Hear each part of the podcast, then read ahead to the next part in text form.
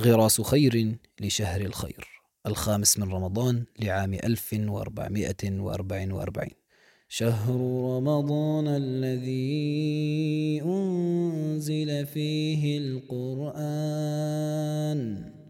إنها الصلة الوثيقة بين رمضان والقرآن. صلة مقدسة لم يصفها بشر وإنما وصفها ملك الملوك والبشر. أراد الله سبحانه وتعالى أن يشرف شهر الصيام فأنزل به القرآن. فإذا أردت لنفسك الشرف العظيم فاجعل صدرك يحوي آياته العظيمة واتخذ من رمضان فرصة للعودة إلى كتاب الله فهو شهر القرآن. قال رسول الله صلى الله عليه وسلم الصيام والقرآن يشفعان للعبد يوم القيامة. يقول الصيام أي ربي منعته الطعام والشهوات بالنهار فشفعني فيه. ويقول القرآن أي ربي منعته النوم بالليل فشفعني فيه.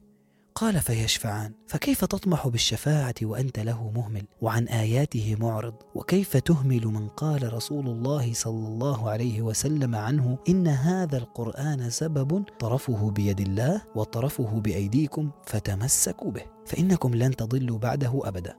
إنه حبل يربطكم بباريكم فمن سقط في بئر الشهوات كان له كتاب الله حبل النجاة. ومن تاهت سفينته في لجج الشبهات كان كتاب الله مرفأ السلامة له. ومن ضل في غربة هذه الحياة كان كتاب الله واحة الطمأنينة التي تربطه بموطنه الأصيل جنة ربه. ومن تخبطت مشاعره في زمن الفتن كان كتاب الله مصححا لبوصلة مشاعره. فيجعل الخوف من الله والرجاء في جنة الله والندم على معصية الله فقط. وأنت مخير في شهر الخير. إما أن تشدد يديك على هذا الحبل فتنجو.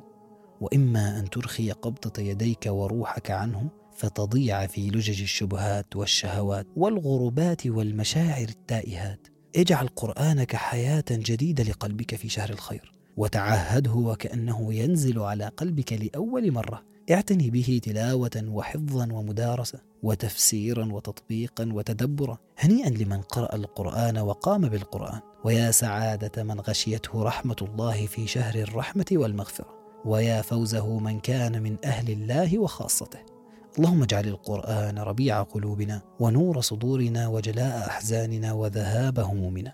واجعله حجة لنا لا علينا. واجعلنا ممن يقرأه فيرقى. ولا تجعلنا ممن يقرأه فيزل ويشقى.